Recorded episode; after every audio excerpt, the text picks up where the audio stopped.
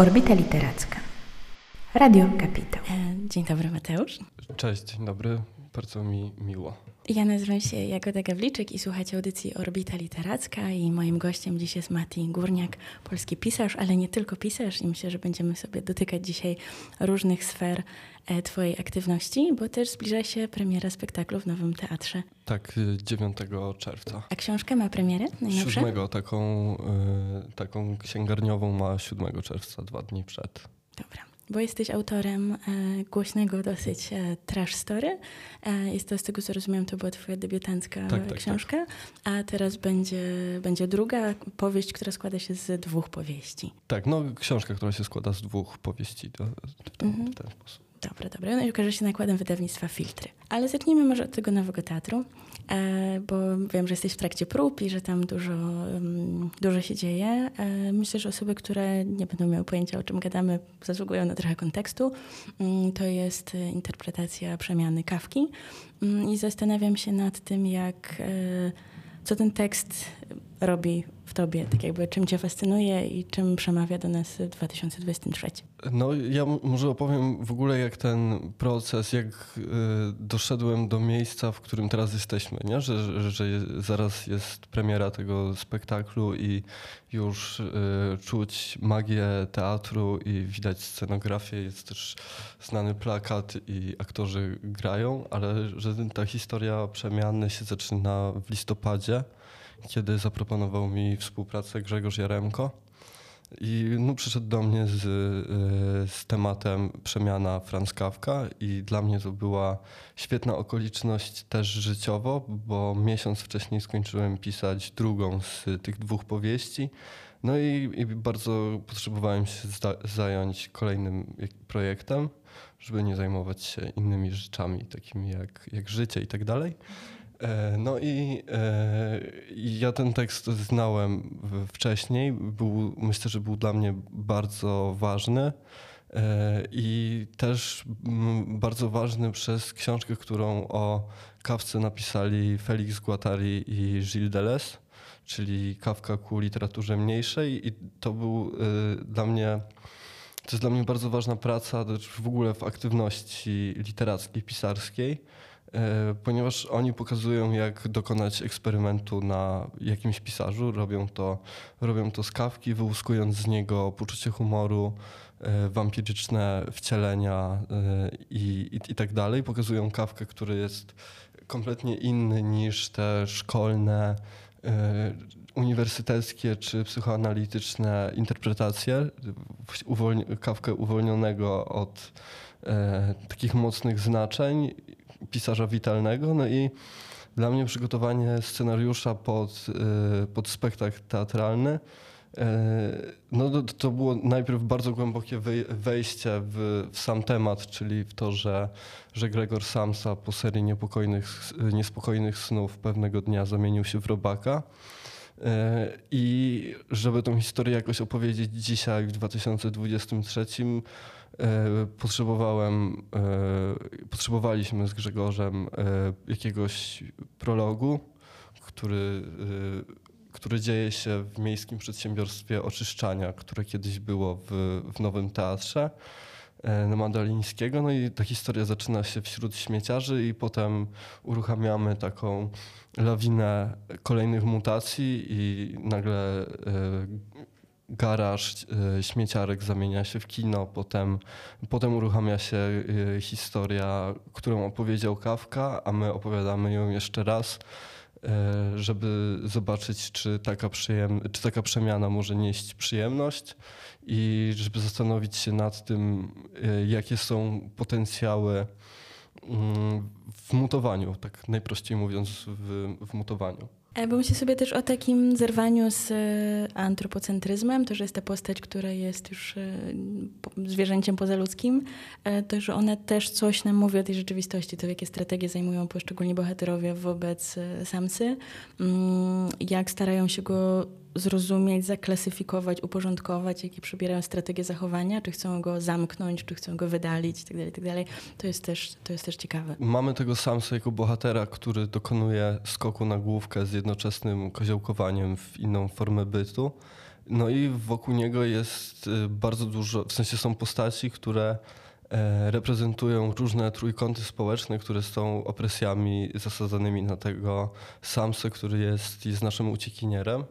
No i to jest przede wszystkim trójkąt władzy rodzinnej i kapitalistycznej tej z pracy. Nie? Że, że u Kawki Samsa był komiwojażerem, e, no dzisiaj opowiadanie komiwojażera e, no byłoby e, jakieś retro i e, dlatego mamy tych śmieciarzy, którzy nie są, e, też to nie są pracownicy fizyczni, e, śmieciarzy, którzy wyrzucają śmieci, ale mamy jakichś takich kontrolerów właśnie. E, jest wielkie przedsiębiorstwo Moloch, które gdzieś tego, przed którym ten Samsa ucieka, no i rodzinę, która e, która jest aparatem do wymuszania posłuszeństwa. Tego bardzo dużo uwagi poświęcamy temu też, co wyciągnęli Guattari z Delezem z Kawki, czyli motywowi pochylonej głowy. Że na przykład, że postać ojca nie jest przez nas interpretowana w, w taki prosty, złowrogi sposób, że to jest ojciec, który reprezentuje władzę, więc on będzie straszny. Tylko to jest jakiś slapstickowy przypadek i ojciec nie jest mocnym bohaterem, który zdaje sobie sprawę z tej władzy i ją realizuje, tylko po prostu jest w takim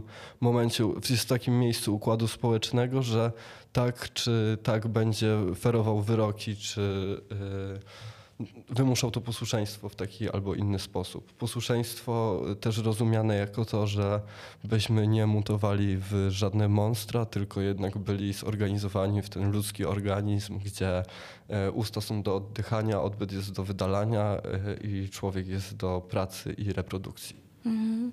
Ale to, to ciało w kapitalizmie jest bardzo uwikłane w kwestię produktywności. Wydaje mi się, że sięgnięcie po mm, tę uwspółcześnioną postać komiwojażera i tak jakby przesunięcie jej do tych śmieciarzy, mm, to też pokazuje pewną uniwersalność tych takich prac, które są wykonywane jako stały proces i że trochę nie ma też od tego ucieczki. W momencie, w którym Gregorowi wydarza się jego e, perypetia, to tak jakby ta potrzeba produktywności jest źródłem jakiejś paniki. Tak, e, też i też e, ważną rzeczą jest dla nas, że, że jemu się to nie wydarza, tylko że e, myślimy o tym jak o czymś może nawet skrupulatnie zaplanowanym, nie? Że, że, że bardzo posługujemy się kategorią improwizacji egzystencjalnej albo eksperymentów ontologicznych, nie? Że, że, że, tak, że jest tam bardzo dużo zainwestowanych poszukiwań w, w stawanie się czymś innym. I, no i też y, za tym jest e, jakieś takie poczucie mm, tego, że człowiek jako ten zorganizowany organizm y, jest czymś, co fajnie byłoby porzucić i poszukać dalej. A jak wygląda wasz proces? E, jak wyglądał pewnie, no bo podejrzewam, że już teraz po prostu praktykujecie to, co, co zostało wypracowane e, z reżyserem, z Grzegorzem Jaremką. Jak, czy, właśnie, czy sięgaliście po te teksty wspólnie? Jak to? Spotykaliśmy się od listopada w zasadzie co tydzień i też byliśmy ze sobą w, w ciągłym kontakcie co dla mnie jako dla osoby piszącej też jest super, bo jest zupełnie innym trybem pracy niż pisanie samemu i ewentualnie jakieś y, co parę miesięcy kontakty z, z wydawnictwem czy, czy, czy z osobą redaktorską. Mm, no i tak by wzięliśmy sobie to hasło, że robimy eksperyment na kawce i poza y, przemianą, z której motywów czy jakichś pojedynczych zdań korzystamy, jest tam kilkanaście innych y, miniatur kawki, na przykład Poseidon, Troska Głowy, Rodziny, Mała Bajka, e, Jama, Głodomór i tak dalej. Jeszcze e, sporo innych. Mm, też różne rzeczy, no na przykład o, mamy Chaplina w, w, w tej przemianie. Robiliśmy bardzo dużo, żeby to, żeby ta opowieść gdzieś kontekstowo prowadziła do przodu i E, chcieliśmy sprawdzić, jak tego kawkę można dzisiaj opowiedzieć i do czego go wykorzystać. No i właśnie teraz jest ten moment, kiedy pojawiają się już po, taki, po wielu, wielu miesiącach spekulowania i, i, i pracy gdzieś przy stoliku, że już obserwujemy te delikatne jakości teatralne e, właśnie, nie? Że, że, że robi się choreografia, scenografia jest już postawiona. E, I no, no i aktorzy też już pracują nie, nie przy stoliku, nie? Że, że, że jesteśmy na etapie działań. Kilkanaście dni przed, przed premierą. Mhm. A jakie to jest uczucie dla ciebie właśnie widzieć to urealnienie tekstu, tekstu, który jest też jakimś takim fizycznym zapisem ciebie, ale ta fizyczność teatru jest czymś zupełnie innym? To jest super, bo, bo, bo ten tekst już od dawna do mnie nie przynależy, nie? Że, że, że on w zasadzie gdzieś był po to, żeby zainicjować ten, e, ten proces i bardzo dużo rzeczy się z tym tekstem działo, czy to takich stricte roboczych, że e, niektóre rzeczy, które były tam napisane, lepiej zagrać niż wygłaszać ze sceny, więc zostały usunięte i pracują gdzieś tam mm, w jakichś motywacjach wewnętrznych osób na scenie. E, ale też e, zastanawianie się nad każdym pojedynczym zdaniem, sytuacją czy, czy obrazem i tutaj znowu z, z takiej mocno prywatnej perspektywy osoby piszącej to, to jest też e, cudowna lekcja, nie? Że, że moment, w którym Małgorzata Hajewska przegląda twój tekst i zastanawia się nad różnymi rzeczami ze swoją wrażliwością, wiedzą, doświadczeniem, i, jeszcze milionem innych rzeczy, które Haja ma, mm, no to, to ja e, czuję, że, e, że wynoszę stamtąd bardzo dużo i, i piszę e, lepiej. W sensie podejrzewam, że po prostu teraz piszę lepiej niż, niż przed poznaniem Hai. Że, tak, że mówię teraz o jednej osobie, ale to dlatego, że że chcę o niej, o niej mówić, że, że praca z nią jest jakimś wydarzeniem dla mnie. Pytam z ciekawości, nie wiem zupełnie jak to wygląda, ale tak jakby czułeś też potrzebę na przykład dostosowywania tego tekstu do wymogów, tak żeby to było wymawialne, czy, czy nie zwracałeś na to raczej uwagi? Nie, no, e, zwracałem uwagę i też właśnie wiedziałem, że w teatrze jest inna formuła na robienie eksperymentów, nie? Że, że, że tam że inaczej pisze się zdanie na scenę, inaczej y, takie, które będzie wdrukowane w książce. Więc y, tak, to tak uruchomienie sobie przed y, pisaniem takiego trybu, że to jest na scenie, czy, czy nawet wyobrażanie sobie tych ludzi mówiących te teksty w, w pokoju, to jest, to jest jakiś, jakaś część tego procesu. Też czytanie sobie na głos i i tak dalej. Mówiłem o takim czytaniu na głos, że jeszcze ja sobie, albo no wręcz, że proszę współlokatora, żeby y, na przykład przeczytał ze mną dialog i słuchamy, jak to brzmi. Y, no i, i, przy okazji całe mnóstwo rzeczy, sytuacji, które gdzieś do tego scenariusza wchodzą, czyli y, korzystanie z takich stron, żeby właśnie ten Kawka mocniej pracował w współczesności, jak HR na obcasach, czy gdzie są różne poradniki e, dla przedsiębiorstw, albo mm, podcasty z teoriami spiskowymi o wybuchających zębach albo e, mongolskim robaku śmierci. E, no, no, dużo było właśnie, e, dużo było czasu, więc dużo było szukania i jest dla mnie, było to dla mnie bardzo komfortowe, że rzeczywiście ten eksperyment mógł się odbyć, bo mm, mieliśmy ku temu stworzone możliwości. Mhm. A kto odpowiada za scenografię i kto odpowiada za muzykę? Bo myślę, że nasi słuchacze... Za muzykę odpowiada Justyna Banaszczyk, a za scenografię Anna Maria Karczmarska w duecie z Mikołajem Małkiem. Znałeś ich wcześniej, czy to jest pierwszy raz, kiedy współpracujecie? Pierwszy raz pracujemy razem. Mhm. I jak się z nim działa? Jest, jest cudownie i też bardzo było dla mnie e, fajne to, że E, że już tak w styczniu, pod koniec grudnia był pierwszy projekt scenografii, więc dla mojej wyobraźni też to było super, że, e, że pracowaliśmy w tym samym momencie. I gdzieś myślę, że razem się napędzaliśmy, nie? Że, że oni robili kolejne e, wersje wizualizacji scenografii, a ja dopisywałem kolejne sceny i to było ze sobą w jakimś dialogu. No i jest to sytuacja o tym, że w, w teatrze nie ma tej samotności E, pisania fikcji literackiej. Nie? I to z jednej strony jest radosne, że tworzy się rzeczy w, w jakiejś stworze i w jakiejś grupie, a z drugiej jest e, inaczej rozłożona odpowiedzialność, bo jeżeli ja nagle zacznę e, tworzyć jakieś grafomańskie treści dla książki, no to redaktor mi powie, że to jest grafomania i plik zostanie usunięty w najgorszym wypadku, a tutaj jednak przynoszę jakieś rzeczy y, do stolika, gdzie siedzi paręnaście osób i czas leci i to jest czas tych wszystkich osób, które y, są y, bardzo zajętymi artystami. Ktoś traci na tym czas i to jest to bywa momentami paraliżujące, jak się o tym za dużo pomyśli, ale, no ale na szczęście nie było takiej sytuacji, że ktoś mi powiedział, że traci czas i tak dalej, nie? Więc, więc można się cieszyć. To gratuluję. Ale myślę jeszcze o takiej kategorii finalności, że w momencie, w którym oddaje, oddajesz przynajmniej jakąś wersję tekstu do redaktora, to tak jak masz jakiś taki etap, gdzie możesz też wziąć oddech, pewne rzeczy zweryfikować, tak, tak. a wyobrażam sobie, że teraz jesteś już zwłaszcza w tak gorącym okresie, że trochę nie ma tego momentu. Nie ma. Jest rzeczywiście zmiany, są jakieś małe przesunięcia, ale że ten tekst jest aktualizowany e, z dnia na dzień i jego ostateczna wersja będzie wtedy, kiedy zostanie powiedziany tak albo inaczej na scenie. Mhm. I kilkakrotnie w sumie w ciągu kilku, tak. kilku spektakli będzie się urealniał. Myślę sobie, jakby czytałam tę twoją nową książkę, e, obie powieści i jest tam mnóstwo dialogów, które brzmiał niesamowicie, w sensie tak bardzo żywo, bardzo realistycznie i wydaje mi się, że masz też dobre ucha do tego i zastanawiam się, na ile też prosiłeś kogoś, żeby ci przeczytał te dialogi na głos, na ile sam to robiłeś. E, nie, tutaj właśnie robienie takiego dialogu powieściowego, yy, że to takiej tasiemki bardziej, e, Tutaj nie miałem aż tak dużego zapotrzebowania na czytanie sobie tego na głos, bo układało mi się to w, w pewnym ciągu i też bardzo zależało mi E, na takim efekcie mamrotania, które, e, które interesuje mnie odkąd odkryłem mumblecore'owe filmy amerykańskie przełomu wieków XX i XXI.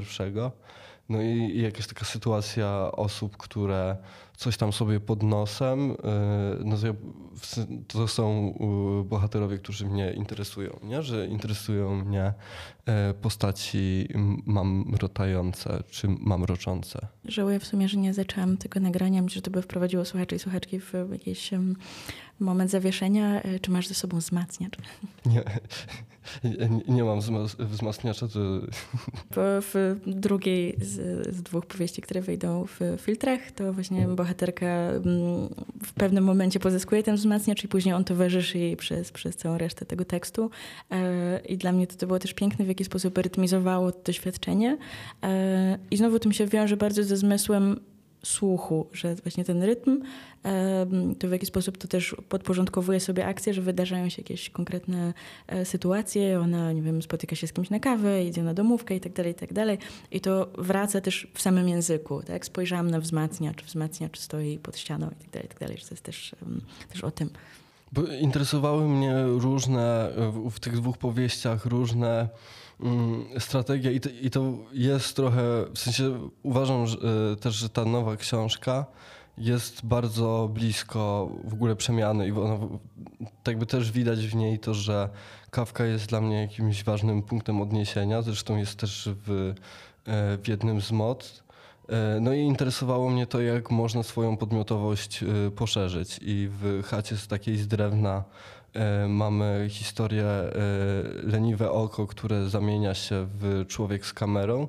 I to jest właśnie to rozszerzenie podmiotowości o kamerę a y, nomadkę postanowiłem wzmocnić o wzmacniacz właśnie, który nie jest tak sproblematyzowany jak, jak kamera. Nie, że, że ta kamera ona jednak ma jakieś swoje tradycyjne zastosowanie, albo można sobie tak to wyobrazić, że, że, że człowiek z kamerą są, że rzeczywiście składają się z człowieka i z kamery i że człowiek jest w tym układzie człowiekiem, a kamera kamerą i upraszczając tak to funkcjonuje, a, a wzmacniacz y, bardzo mi zależało, żeby tam jednak nie wszystkie jego funkcje były y, jasno określone, nie? że on coś z tą bohaterką robi i, i to jest o rytmach albo jakichś przyspieszeniach, y, ale nie jest to, nie ma jednego zastosowania. Mhm. I też są to ludzie, którzy są um, czymś więcej niż ludźmi, tak? Że tak. przekraczają tę swoją ludzką kondycję i to jest też, też, też ciekawe i to też mi się wiąże z tym, co mówię wcześniej o, o przemianie. Mm, I też i literatura, i te, teatr są super miejscami do tego, żeby, e, żeby robić eksperymenty na e, własnej albo na własnej podmiotowości, nie? Znaleźć jakiś punkt wyjścia, który jeszcze jest ludzki, E, i, i wrzucić się gdzieś w ten biologiczny proces pisania, ale potem tak jakby być otwartym na to, co, co się stanie dalej i co można wyprodukować w ramach e, takiej fikcji. A w tym równaniu nie zamieściłeś kina? Kino jest też kolejnym z narzędzi poszerzających e, podmiotowość. Przede wszystkim w chacie takiej z drewna te e, filmy funkcjonują jako coś, co nie ma też jasnego statusu ontologicznego, czy te filmy się wydarzają naprawdę, czy, y, czy na ekranie. Nie? Że tak by nie wydzieliłem przestrzeni fikcji i, i dla mnie postaci filmowe mają taki sam status ontologiczny jak, jak bohaterowie, których powołałem. I to jest tak samo jak, jak w Trash Story, nie? Że, że gdzie nie było różnicy pomiędzy na przykład Matim z pierwszego opowiadania, który gdzieś był ostentacyjnie autobiograficzny, a krową, która była ostentacyjnie wzięta z Cartoon Network. Mhm. Mi się bardzo w Trash Story właśnie podobało to, w jaki sposób ta rzeczywistość miała swoich bohaterów, bohaterki, które też jakby miały różnorodne tożsamości, niekoniecznie ludzkie, że można czajnik być ważną postacią. Mm, I byłam bardzo ciekawa, co z tym zrobisz dalej właśnie. Czy będziesz kontynuował to takie eksperymentowanie też z podmiotowością i w jaki sposób to widzę, ale też to przekraczasz, tak? Że nie korzystasz z tych samych trików, tylko gdzieś tak, to no właśnie, niuansujesz. Mhm. Yy, no nie, nie widziałbym sensu w powtórzeniu tego gestu na przykład gadających przedmiotów. Nie, że ja to zrobiłem raz i to też było na początku pracy nad Trash Story, które zanim y, stało się tym, czym się stało po e, dosyć długim procesie wydawniczym i też y, redakcji, która była pierwszą moją sytuacją redakcyjną, i tam dużo fajnych rzeczy się działo i ja też dużo się nauczyłem. No to Trash Story najpierw było takim cyklem dramatów, które nazywały się Schizolotka i tam jeden rozdział właśnie był, że wpadło mi do głowy, że kurczę, co gdyby e, zrobić taką sytuację, hulajnoga, dwukropek i ona coś mówi i może powiedzieć wszystko, bo to jest literatura i to było jakimś jednym z punktów wyjścia do, do trash story. No i ja zacząłem pisać dwie powieści ruchu miesiąc przed wyjściem Trash Story z, z takim mocnym przeczuciem, że spróbuję zrobić coś nowego. To ciekawe bardzo. Jak w ogóle, jak zareagowałeś na recepcję tej książki? Bo ona trochę później jakby tak naprawdę zdobyła jakieś szersze uznanie. Mam wrażenie, że tuż przy premierze nie było ani tak głośno i dopiero bardziej w jakimś takim czasie wakacyjnym mhm. E, gdzieś tam e, ludzie o niej mówili. E, nie wiem, lubię pytać o to debiutantów, na ile czytają komentarze, na ile uwzględniają właśnie czytałem, te opinie. Tak mhm. Czytałem, bardzo mnie to interesowało i, i bardzo mnie to cieszyło, ale też miałem w sobie bardzo duży spokój, no bo pisałem kolejną rzecz. Czyli nie, nie, nie wrzuciłem się w taką sytuację, że, że ta książka jest już jakiś czas temu napisana i że ona gdzieś wyznacza moją wartość, tylko e, to wszystko się działo, kiedy no, znalazłem sobie najlepsze możliwe zajęcie, czyli e, próbę pójścia jeszcze krok dalej. A wiedziałeś od razu, że to będzie w filtrach, czy to się propozycja pojawiła później? Nie, to, to się pojawiło, jak skończyłem pierwszą z tych powieści, wtedy doszło do kontaktu z, z filtrami, który był jakoś mm, bardzo szybko i komfortowo to przebiegło. Było tak, że czytałeś po prostu inne książki filtrów i jakby chciałeś tym wydać, czy to oni się odezwali do ciebie? Jak to? E, czytałem parę ich książek i to jakby wiedziałem, że to jest y, nowe, jedno z nowych wydawnictw, które mogłoby mnie wydać i chyba taką sytuacją mm, przesądzającą o tym, że wysłałem do filtrów najpierw, było to, że że Adam Kaczanowski mi powiedział, że e, Dariusz Sośnicki jest zajebistym redaktorem. I, no i w ogóle Kaczanowski jest taką postacią, która e, bardzo mi pomogła przy pierwszej książce, tak organizacyjnie, nie? Że, że, że właśnie, że tu napisał jakiegoś maila zamiast mnie do Mareckiego i śmiał się, że jest moim agentem, ale trochę był właśnie na tej zasadzie ogarniania za mnie, oczywiście bez E, bez żadnych procentów. Mm, no i jak e, Adam mi powiedział, że z Darkiem na pewno się dogadam, to wysłałem. No i rzeczywiście i, od, e, i dostałem odpowiedź po jednym dniu taką, że, że raczej tak, tylko że jeszcze tam to są jakieś procedury i no i szybko zaczęliśmy już gadać o tym, czym ta książka mogłaby być. Mm -hmm, -hmm. bo wyobrażam sobie rzeczywiście, że w momencie, w którym jesteś debiutującym autorem, to że też, no nie wiem, nie do końca wiesz w ogóle, jak się takie rzeczy ogarnia, może też nie do końca masz głowę do tego, tak? Że skupiasz się na twórczości. Tak, że, że raczej, że miałem jakieś takie proste wyobrażenie o tym, bazujące na filmach o ludziach, którzy wrzucają E, nie, że, że to się dzieje e, tradycyjną pocztą i tak dalej, nie, że, że, że właśnie takie klisze w głowie. E, Teraz I, to raczej paczkomatem. Tak, no. chciałbym kiedyś wysłać paczkomata do, albo Uber paczkę, też mm. jest taka opcja. I no, no, w ogóle nie wiedziałem, jak działa ten rynek wydawniczy.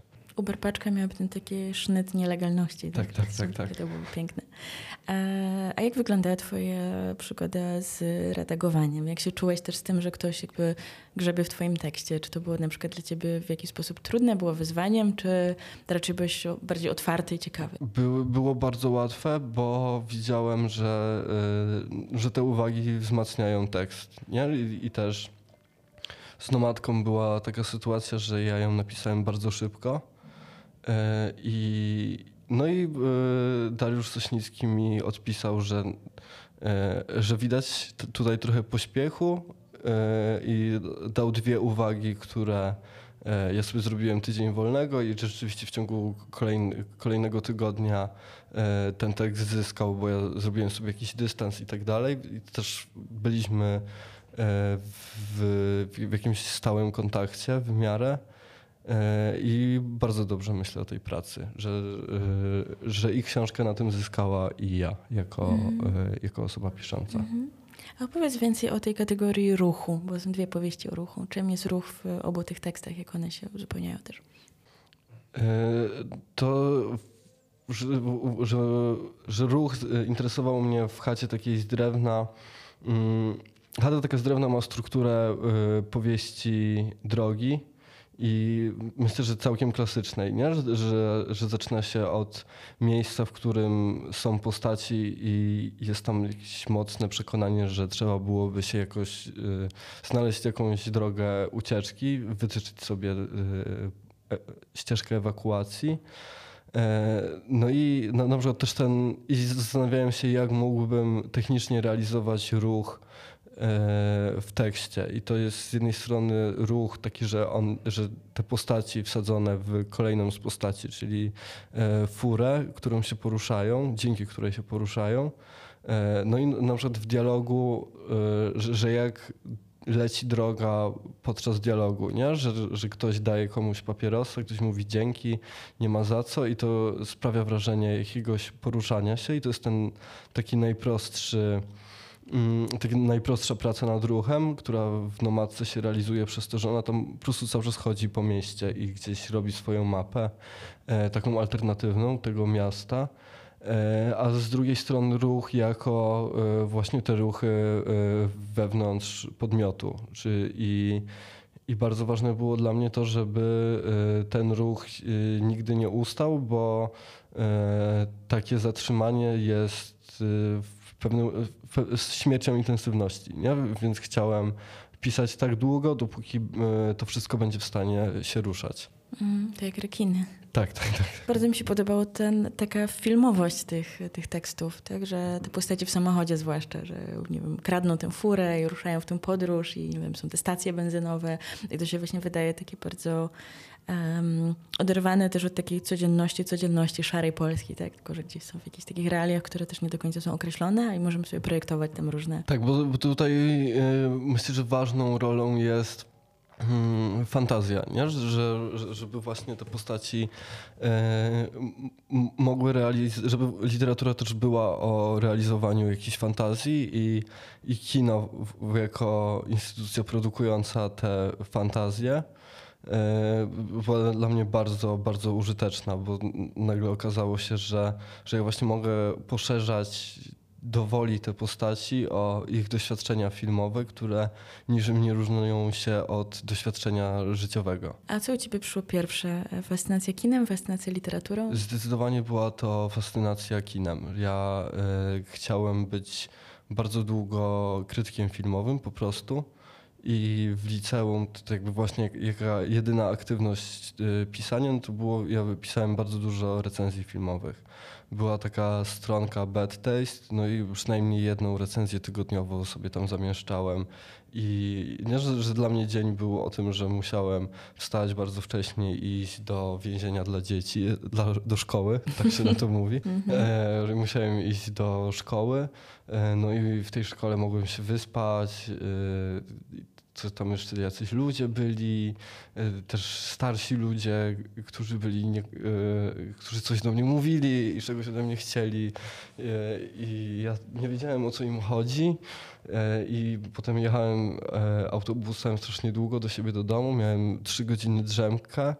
E, piłem taką bardzo mocną herbatę, jak się w więzieniach robi z trzech e, torebek, no bo mama nie pozwalała mi pić kawy po godzinie 18, więc to musiała być to czaj więzienny, żeby się postawić na nogi. No i trzy filmy, jakiś tekstik o tym, że. E, no i jeszcze właśnie pisanie tych recenzji z jako siedemnastolatek, który e, obraża wszystkich reżyserów kaneńskich e, i tak nie, że, że, że tam nie było żadnego, mm, żadnego nawet nie kompromisu, tylko przed niczym się nie powstrzymywałem. Nie? I, no i tak mi liceum e, na takiej pasji zleciało. No i potem poszedłem na uniwersytet, gdzie przestałem pisać na parę lat bo zetknąłem się z czymś takim jak kultura akademicka i to też było jakieś wielkie wydarzenie, że nagle e, ktoś coś mówi i to jest nie dość, że piękne, to jeszcze mądre. E, no ja sobie wtedy pomyślałem, że to jest dobry moment, e, że mam 19-20 lat, że fajnie będzie teraz zamknąć mordę i trochę poczytać, trochę posłuchać. No i właśnie tutaj się to poczytać pojawia, nie? Że, że ja byłem na studiach międzywydziałowych, chodziłem sobie na różne wydziały i y, mieliśmy z, założyliśmy z ludźmi, z którymi potem się zaprzyjaźniłem, coś takiego jak koło y, filozofii i literatury, które stanowi moje realne wykształcenie, bo studiów żadnych nie skończyłem właśnie przez to, że, y, że musiałem czytać te książki na koło. Było tam, część osób była starsza ode mnie, więc jak czytaliśmy Delilo, powiedzmy Biały Szum, no to one znały y, dwie inne powieści e, Delilo, no i ja strasznie chciałem znać trzy inne powieści Delilo, więc y, jeżeli czytaliśmy Biały Szum na piątek, no to cały tydzień nie był o chodzeniu na polonistykę, tylko o czytaniu Delilo, żeby dobrze wypaść y, w dyskusji na e, kole przy starszych koleżankach i kolegach. Mm, no i bardzo duża intensywność lektur, E, plus to, że miałem stosunek do literatury taki jak wtedy wcześniej do kina, czyli bardzo dużo rzeczy mi się nie podobało i reagowałem z dużą temperaturą. No i leciał sobie czas, ja byłem czytelnikiem, e, już nie młodym krytykiem filmowym. No i potem się, potem się okazało, że trzeba się czymś zająć w życiu. E, I ja te studia miałem takie zaczęte, nieskończone i to był rok 2019 i mówię sobie tak, no, no, że w zasadzie to Kurczę, może spróbowałbym y, pisać, bo y, przez to, że jestem takim czytelnikiem, ograniczyłem sobie trochę inne jakiees opcje życiowe, nie? Że, y, że nie miałem ani wykształcenia, ani jakichś języków, kursów, znajomości, znałem książki. No i zacząłem pisać i bardzo to się spotkało z dobrym odbiorem jakichś pierwszych osób, którym to wysyłałem. No i równolegle pojawił się Stoner Polski, który był takim mocnym wejściem. E, w ogóle też przełączył mnie z takiej literatury mm, powszechnej na pole polskie literackie. Nie? Że, że też na przykład wtedy poznałem pisanie Andrzeja Szpindlera i e, jak przeczytałem Szpindlera, no to wiedziałem, że, że, że chcę pisać a powiedz coś więcej o Stonerze, bo myślę, że osoby, które będą nas słuchać, niekoniecznie muszą kojarzyć ten projekt. Y, Stoner Polski jest założonym w 2018 y, pismem, o, które koncentruje się na praktyce awangardowej i myślę, że najmocniej jest przywiązane do środowiska poetyckiego. Też przez to, że, że już parę lat funkcjonuje, to może się pochwalić na przykład tym, że e, różni, e, różne młode poetyckie głosy na przykład u nas e, debiutowały, nie? że Michał Mytnik zadebiutował w Stonerze, a w tym momencie jest po pierwszej książce już długo, jest już uznany za jakiś osobny głos i robi sobie drugą książkę i no i gdzieś tam cały czas się obraca wokół tego stonerowego fermentu, który udaje nam się E, robić na paru polach. Nie, że poza krytyką i praktyką poetycką e, piszemy też o kinie czy, czy o prozie, publikujemy dramat i e, no i, i, i, cały czas działamy za darmo, w sensie nie mamy z tego żadnych, dokładamy pieniądze, jakieś takie małe pieniądze, ale dokładamy, żeby strona na WordPressie wisiała i tak dalej czy tam raz na pół roku naklejki. Nie, ale że tak by tam nie ma żadnego przepływu pieniędzy. Mm, I w tym momencie mamy taki pomysł na to pismo, żeby e, numery wychodziły rzadziej, tak e, dwa rocznie maksymalnie, ale e, we mnie jest bardzo duża determinacja, żeby to ciągnąć jak najdłużej, bo, bo myślę, że robimy świetną, awangardową, oddolną robotę, też taką koncentrującą środowiska twórcze. No, radio Kapitał ma podobne wyzwania, podobne problemy, bo też jest to radio społecznościowe, tworzone oddolnie.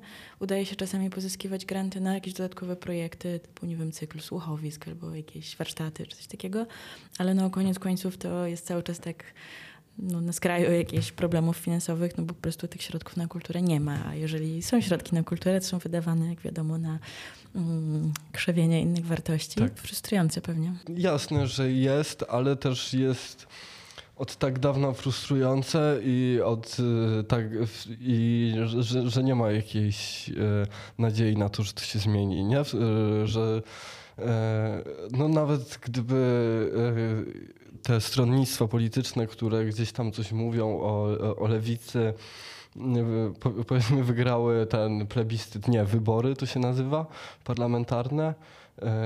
No, no i tak jakby i tak ani mały format pewnie, ani my nie dostalibyśmy żadnego grantu.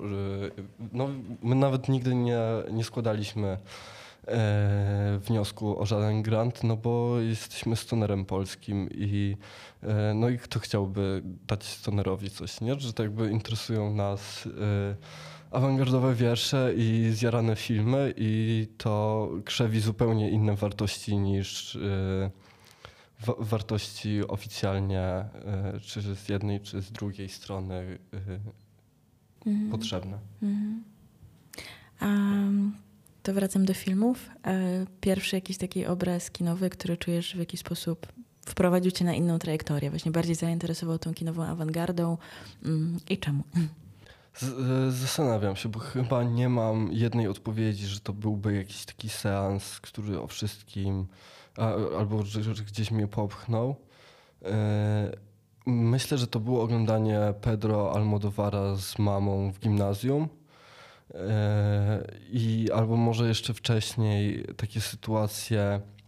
Właśnie gdybym to miał opowiedzieć jakoś narracyjnie, to zrobiłbym tak, że jest scena, w której moi rodzice oglądają Jamesa Bonda albo film Quest z Jean-Claude Van Damme. Ja jestem już dawno wysłany do spania, ale e, czołgam się po e, przedpokoju i e, podglądam to, jak rodzice oglądają film, nie? Że, że, że właśnie coś, coś zakazanego, coś dla dorosłych. I no, że właśnie, że to kino Właśnie, że magia kina to jest cały czas podtrzymywanie tej tajemnicy, że tam są jakieś niesamowitości. I, no i ja bardzo ich pragnąłem jako chłopak z małego miasteczka, gdzie mm, no, ludzie, y, w sensie, gdzie myśli się o, o pracy, o chlebie i maśle, a, a ja jakoś czułem bardzo duże zniecierpliwienie i chciałem się gdzieś wymknąć i to kino było idealne, y, żeby y, no, żeby coś się działo wreszcie, nie? Żeby, i, i, I potem rzeczywiście to kino tak funkcjonowało. Mm, kino, i to też myślę, że jest ważne do powiedzenia, e, e, pirackie, nie? Że, e, że ta nielegalna kultura w ogóle jest jak, powiedzmy jednym z moich zagadnień. E, ponieważ gdybym e, bazował tylko na e, tak zwanej legalnej kulturze, do której różni celebryci i autorytety moralne namawiają, to znaczy super, bo też dostają pieniądze za to, że, że namawiają, no ale gdybym bazował tylko na rzeczach, które są na TVP Kultura do kupienia na DVD czy na platformach streamingowych, których przecież wtedy jeszcze nie było. E, I no było, ale nie aż w sensie, że no one się pojawiły w pewnym momencie i, i też nie są w stanie zaspokoić y, młodej osoby, która chce poznawać kino. No więc to było y, powrót ze szkoły, pobieranie 15 filmów naraz i potem szeroki wybór na, y, na dysku zewnętrznym. No i coś takiego. No. Ja też wiem, czy możemy się tak przyznawać na antenie, ale no też mam ze sobą podobną drogę. Mm, teraz bardziej może Mubi jest takim hubem, który też umożliwia tak, dostęp do kina bardziej z takiego. I z, z przyjemnością e, fajnie jest e, zapłacić tych 30-40 zł miesięcznie i rzeczywiście mieć to Mubi, no tam są czasem rzeczy, których nie da się nawet ukraść. E, no bo w ogóle jest też, e, pewnie zauważyłaś, dużo mniej torrentów ostatnio niż kiedyś, nie? Że, że ta że polują na nas, że, że powinniśmy się czuć zagrożeni. Tak, tak, tak, tak. Ale też myślę się o tym, jak ciężko było wówczas w ogóle namierzyć pewne treści, tak? Że to było też o społecznościach, które się dzieliły tymi konkretnymi niszowymi zjawiskami, czy to właśnie jest kino, czy też jakieś inne przejawy kultury, czy muzyka na przykład niszowa, eksperymentalna. Um, I że tak naprawdę siła właśnie tej grupy umożliwiała. Tak, tak, że, żeby kultura forów, nie? Żeby było coś takiego jak surreal movies, no i to, to było takie wielkie, międzynarodowe, pirackie forum i można było y, tam znaleźć wszystko, tylko trzeba było mieć różne dostępy, być zatwierdzonym przez kogoś tam i to też y, dawało takie fajne poczucie, że y, robi się coś nielegalnego, y, że jest się piratem, to, co Johnem Deppem, mhm. super, nie? Ale podobało mi się też, że był właśnie wówczas też nacisk na to, żeby nie tylko pobierać treści z tej społeczności, ale także dawać coś od siebie, że tak, to tak, tak. było jakby konkretną wartością, która była też bardzo przestrzegana. I, i, i to jest, tak jakby doszliśmy do takiej sytuacji, że, że, że rozmawiamy o jakimś drugim albo trzecim obiegu, czymś, co się dzieje na marginesie i mnie zawsze te takie społeczności czy, czy miejsca typu heterotopie interesowały. I trochę po to jest nomadka, żeby sprawdzić, jak można się poruszać po współczesnym y, mieście, nie mając ani grosza. Nie? Że, tak jakby, że strasznie ważne jest to, że ona nie ma niczego w kieszeniach, ponieważ nie pracuje, bo nie może pracować, ponieważ ma zbyt dużo znajomych. Od, y, no i życie tych znajomych zależy od tego, że y, oni, żeby funkcjonować, muszą zwierzyć się nomadce więc ona nie może zarabiać i oni stawiają jej te serniki i kawy za to, że ona w zasadzie jest gdzieś y, takim stróżem miejskim. Mhm. Bardzo pięknie powiedziane, no tak, to prawda. Ale też, y, no właśnie, ma bardzo intensywnie zapełniony grafik i ona przez cały czas się przesuwa. Mm, jest też motyw strażaka. Tak, y, przystojnego strażaka i, i no, w ogóle mam fascynację mundurem strażackim. Uważam, że to jest coś pięknego i bardzo łatwo wyobrazić mi sobie piękną postać akurat ubraną w strażacki mundur. E, I też chciałem opowiedzieć historię miłości, e, która jest całkiem prosta, nie? bo to jest, że oni najpierw mają wypracowaną przyjaźń, a potem idą na basen, gdzie trochę rozmawia się o życiu, trochę się odpoczywa i, i nagle pojawia się, się ten miłosny afekt, który jeszcze bardziej tą nomadkę napędza, a osobom czytelniczym dają daje y, nadzieję, że tam jeszcze coś się stanie, nie? Że, że ta historia się ucina, ale tak naprawdę zaraz będzie kolejny dzień, czyli kolejny szereg y, misji, które nomadka musi wykonać i tutaj można się spodziewać, jakie to będą myśli, bo ona, y, misje, ponieważ no, działa w jakiejś repetytywności, ale że, że ta historia miłości jest niedopowiedziana i no i chciałem coś takiego wrzucić osobom czytającym, nie? żeby Mm, no, że e, miłość i śmierć to są moje tematy.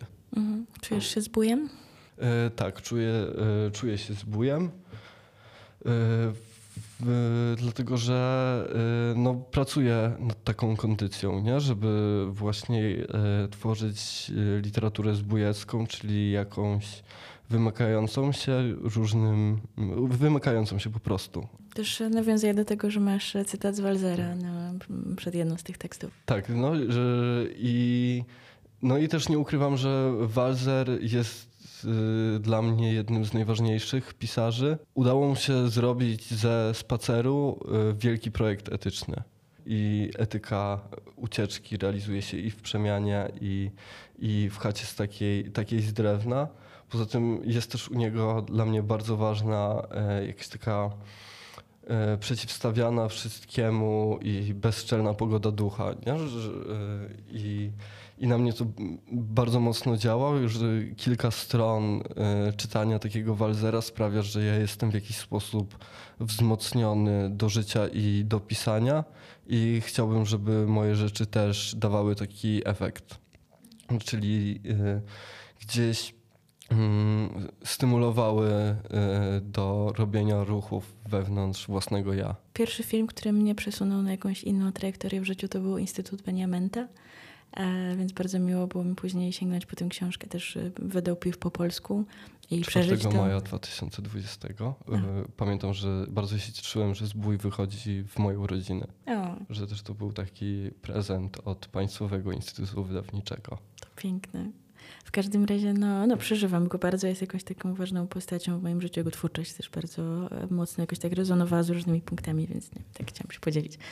Um, Okej, okay. myślę sobie jeszcze o tej nomadce, e, która jakby tej, tym całym wątku ze strażakiem, bo on, że jest tam jakaś taka ekonomia też produktywności, to jest produktywność, która jest związana ze spotkaniami i tym, że ona faktycznie świadczy jakieś usługi tym osobom, które się z nią przyjaźnią, to może jest, jest tak cyniczne, jak to tak jakby ubieram słowa, ale tak jakby wciąż jest ta dynamika, gdzie ona ma te zobowiązania i tak jakby nie może zostać dłużej na kawie, bo już musi się przenieść do kolejnego punktu.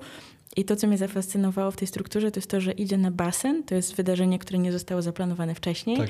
I ona tam jakby trochę ma strefę relaksu, odpoczynku i tam się pojawia natychmiast ta, ta uczuciowość. To było, było piękne. I, I, też y, dochodzi kolejna robota tam, nie? Bo wchodzą do sauny i w saunie jest w kącie jakaś postać, która znowu, y, znowu ktoś chce o czymś pogadać i, y, i, że, i że właśnie, że no matka nie ma e, pracy tej takiej że coś wytwarza i zarabia za to pieniądze, tylko e, ona się e, uwija jak w ukropie przy ludzkich sprawach. Nie?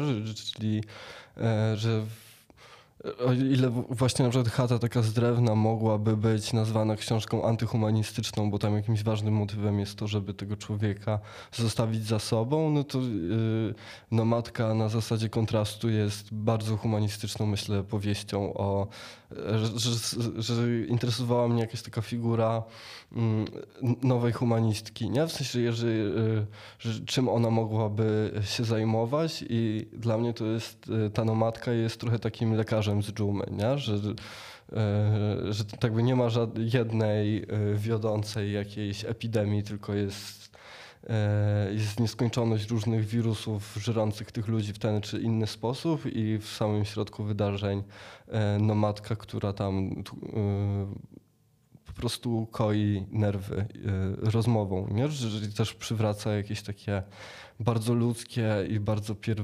bardzo nie, może nie pierwotne, ale istotne dla człowieka e, jakości życia, jak rozmowa, anegdota, e, wycieczka, robienie rzeczy bez celu i tak. Ale też jest ta scena, w której ona siedzi z koleżankami i jedna z nich dropuje ten bardzo mocny news. Nie zdradzajmy, co to jest, żeby, żeby osoby, które będą czytać, miały też tę przyjemność. I to jest dla mnie ciekawy moment, w jaki sposób ta struktura tak się na chwilę się rozpada, po czym buduje się znowu jakiś taki plan działania, tak? że to będzie kolejna misja i że no matka spotka się z tymi dziewczynami, spotka się z tą, która zdropiła newsa mm, i że w jakiś sposób tę przestrzeń uporządkuje, że to też jeszcze podbija dodatkowo tę jej rolę.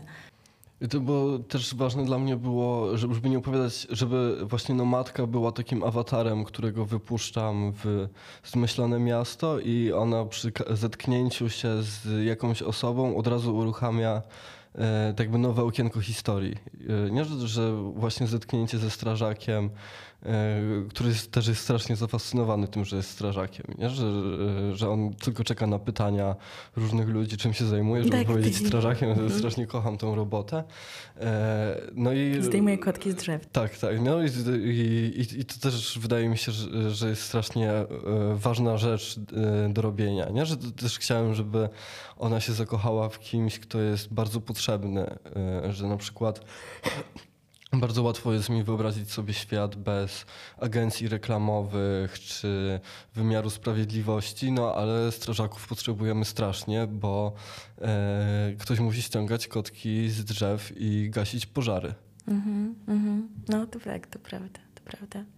Chciałam ci jeszcze zagaić o ten motyw e, seksualności, który się pojawia w twojej książce, bo um, zwłaszcza w tej pierwszej części i też na pierwszych stronach wręcz, gdzie, gdzie pojawia się ten e, romans. Świetne to było, w sensie takie gęste i bardzo, bardzo fizyczne i nie obawiające się też pewnej takiej dosłowności, co wydaje mi się mimo wszystko rzadkie, że ludzie trochę mają jakiś taki rodzaj zawstydzenia, jakiś taki, że może rzucą jakimś wulgaryzmem, ale ten wulgaryzm wciąż jest oderwany od samego doświadczenia, a ty tak jakby zapraszasz nas, takie, bierzesz nas za włosy i zaciągasz tak jakby w środek tej sytuacji. Nie- Właśnie nie interesowała mnie erotyka jako na przykład takie pole różnorodnych doznań, tak jak to się dzieje u Almodowara i jest bardzo pieczołowicie wypracowane.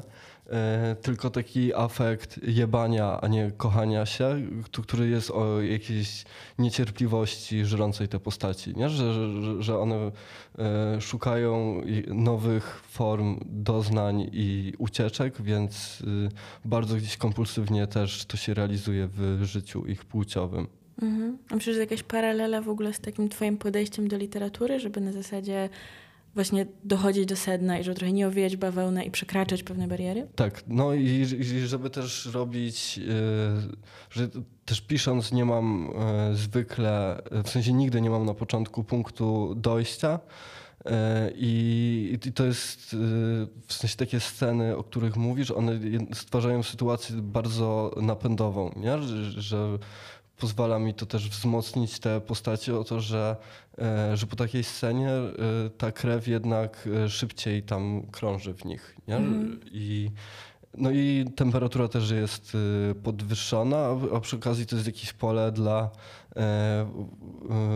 wydobycia z siebie jakichś zwierzęcych jakości.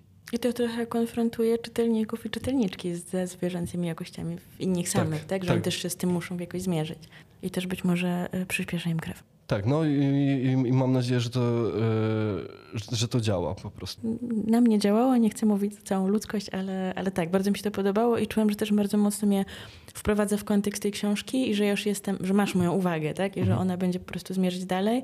I nawet jeżeli później wsiadamy do tego samochodu i nie dzieje się tak dużo pod kątem samych, nie wiem, jakichś zdarzeń, takich jakichś większych momentów, to że ja wciąż po prostu jestem w tej historii bardzo mocno, że te, te emocje początku gdzieś później sobie płyną razem ze mną w dalszą część książki. Cieszę się, że, e, że masz taki odbiór, bo rzeczywiście przy jakimś myśleniu o strukturze, to ta pierwsza część, która jest w ogóle jeszcze bardzo ludzka, też czasem o e, przeszłości tych bohaterów, żeby ona właśnie zbierała, e, zbierała energię, która jest w jakiś sposób blokowana i żeby to był taki e, do granic możliwości napompowany balon, który w końcu pęknie i ta intensywność się uwolni i ruszy w drogę. E, I jeżeli masz taki odbiór, to ja jestem ciut spokojniejszy przed premierą książki. A czujesz się w ogóle zestresowany? E, Tak, no czuję się troszeczkę zestresowany. Czemu? No nie wiem, myślę, że tak, y, że tak normalnie y, po ludzku, nie? Że, że tak, że znowu, mm, na pewno byłem zdecydowanie bardziej zestresowany przy pierwszej książce, e, no bo też nie wiedziałem w ogóle, jak jakieś rzeczy funkcjonują, e, a teraz, teraz po prostu chcę, żeby było dobrze, więc jak, w jakiś sposób mnie to zaprząta, ale, ale na, na pewno udaje mi się nie mieć obsesji. I fajnie. To brzmi jak dobra, dobra reakcja. Zadam Ci jeszcze e, pytanie, które przewija się w różnych moich wywiadach i zawsze mnie fascynuje, jak różnorodne odpowiedzi dostaję. Ale słuchaj się uważnie. Gdybyś miał walczyć z jedną kaczką wielkości konia albo setką koni wielkości kaczek, to co byś wybrał? E, jedną taką ogromną. Czemu? E, dlatego, że jeżeli Peter Griffin e, potrafi sobie poradzić z wielkim kurczakiem, no to ja myślę, że też e, dałbym radę. Nie? I to też. Mm, to znaczy, e, no, a gdybym miał walczyć u boku, no to wybrałbym jednak tą wielość, nie? że chciałbym z tymi małymi koniami gdzieś w ogóle ruszyć w jakąś podróż czy walkę, ale właśnie gdyby to coś miało na mnie nacierać, to lepiej, żeby to był jeden byt, nie? Że, że tak by, że, e, że, że łatwiej jest zostawić jakąś pułapkę na pojedyncze niż na takie, niż na taką chmarę. Rozmawiałam ostatnio z Jonasem Ajką, czyli autorem powieści Po Słońcu, która... Wspaniałej, wspaniałej powieści, która którą chętnie e, polecę Twoim słuchaczom, bo przeczytałem od razu po premierze i przypomniały mi się tak ważne i piękne dla mnie nazwiska jak Don DeLillo i e, a scena, w sensie to transhumanistyczne opowiadanie z, z łączeniem się z nadajnikiem na pustyni, to, Tak. to jest e, tak by z miejsca bardzo ważna dla mnie książka i czekam na kolejne rzeczy po polsku pana Jonasa. Ja tak samo, ja tak samo. Właśnie nazywam to powieścią, bo to jest trochę, tak jest taka dwuznaczność. To teoretycznie są opowiadania, ale one tak naprawdę bardzo silnie się ze sobą łączą, pewne motywy wracają i tak dalej. Ale wywołałam go tutaj e, w audycji, bo też go zapytałam o, o konie i kaczki i on powiedział, że e, gdyby miał walczyć, to właśnie wolałby tę jedną postać, ale też, że wcale by nie próbował walczyć, tylko próbował ją oswoić, chciałby ją dosiąść, więc ten motyw Petera Griffina rzeczywiście e, gdzieś tam sobie, mm, gdzieś tam się przewija. Natomiast to jest dla mnie ciekawe też z myślą o koniach jako społeczności, która ma niejedno konkretne źródło, z którego czerpie swoją energię i w taki sposób, jak możemy myśleć o kolektywach, które pracują, czy nie wiem, zespół, który tworzy Stonera Polskiego, to to, że jeżeli ktoś osłabnie, to druga osoba zajmuje jego miejsce i że to się w jakiś sposób przewija i faktycznie jest to trudne do walczenia, więc może jest to też jakaś taka e, pocieszająca myśl dla osób, które w te kolektywy są zaangażowane. Tak, no i też mi twoje pytanie przypomniało taki rozdział y, kapitalizmu i schizofrenii. Y, wiele y, wilków, a nie dwa, nie? Jest tam y, przykład pacjenta Freuda, któremu Freud wciska to, że ma tam w środku jakieś dwa wilki, a francuscy, Francuzi Guattari i Deleuze piszą, że to jest sfora i chmara wilków, a nie, a, nie te binarne dwa, które e, jednak stabilizują, porządkują i e, tamują e, intensywności, a ta sfora jest witalnym działaniem i czymś nieokrzesanym. Mhm. Na Spotify będę musiała po prostu opowiedzieć o piosence, którą należy sobie włączyć na końcu audycji i zastanawiam się, czy to powinna być Sad Girl Lana Del Rey, czy raczej coś innego. Myślę, że albo to, że, że w ogóle Lana e, była bardzo ważną patronką e, przy pisaniu przede wszystkim nomadki, że chyba nie słuchałem innej muzyki przy nomadce niż taka składanka YouTube'owa The Best of Lana Del Rey, że rzeczywiście Lana była przy mnie i też jakiś mocny refleks lektury czterech sekund Mieczysława Piotrowskiego, E, ale też bardzo ważna e, w Nomadce jako piosenka jest, e, jest Rychupeja i Mój rap, moja rzeczywistość, a to przez postać, którą, że tak by zrobiłem w powieści pomnik, e, Hamo Małolata, o którym Rychu nawija, że e, a więc stoi Ham Małolat w jednej e, ręce browar, w drugiej fifka, dzień za dniem taka rozrywka. Życia spieprzonego nikt z młodych nie chce naprawić i pomyślałem, że że Ham Małolat to jest coś, czemu fajnie byłoby postawić pomnik, nie? E, Tym wszystkim e, dzieciakom, które z braku perspektyw. I to też jest wielki hołd dla Rycha Pei, który jest dla mnie e, jednym z, z kluczowych e, artystów. Nie? Że, że właśnie, że Walzer, Peja, e, Andrzej Szpindler, Piotr Janicki e, i tak dalej. Nie, że, że mógłbym e, W jednym rzędzie ich stawiasz. tak, że, że, mam jakiś szereg postaci i osób i na pewno jest tam Rychu Peja.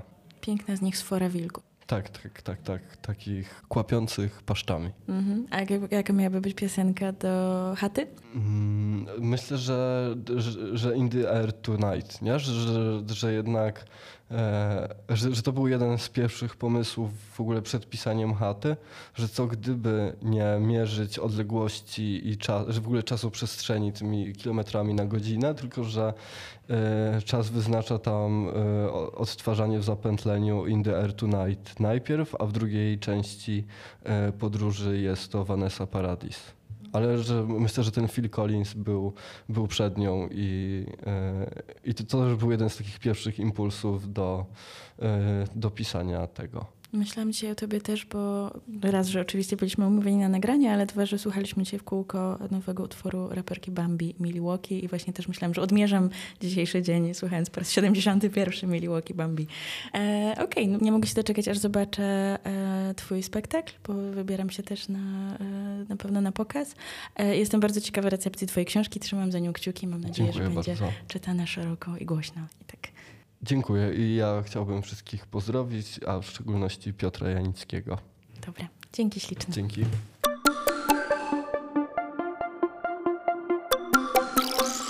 Orbita Literacka. Radio Kapitał.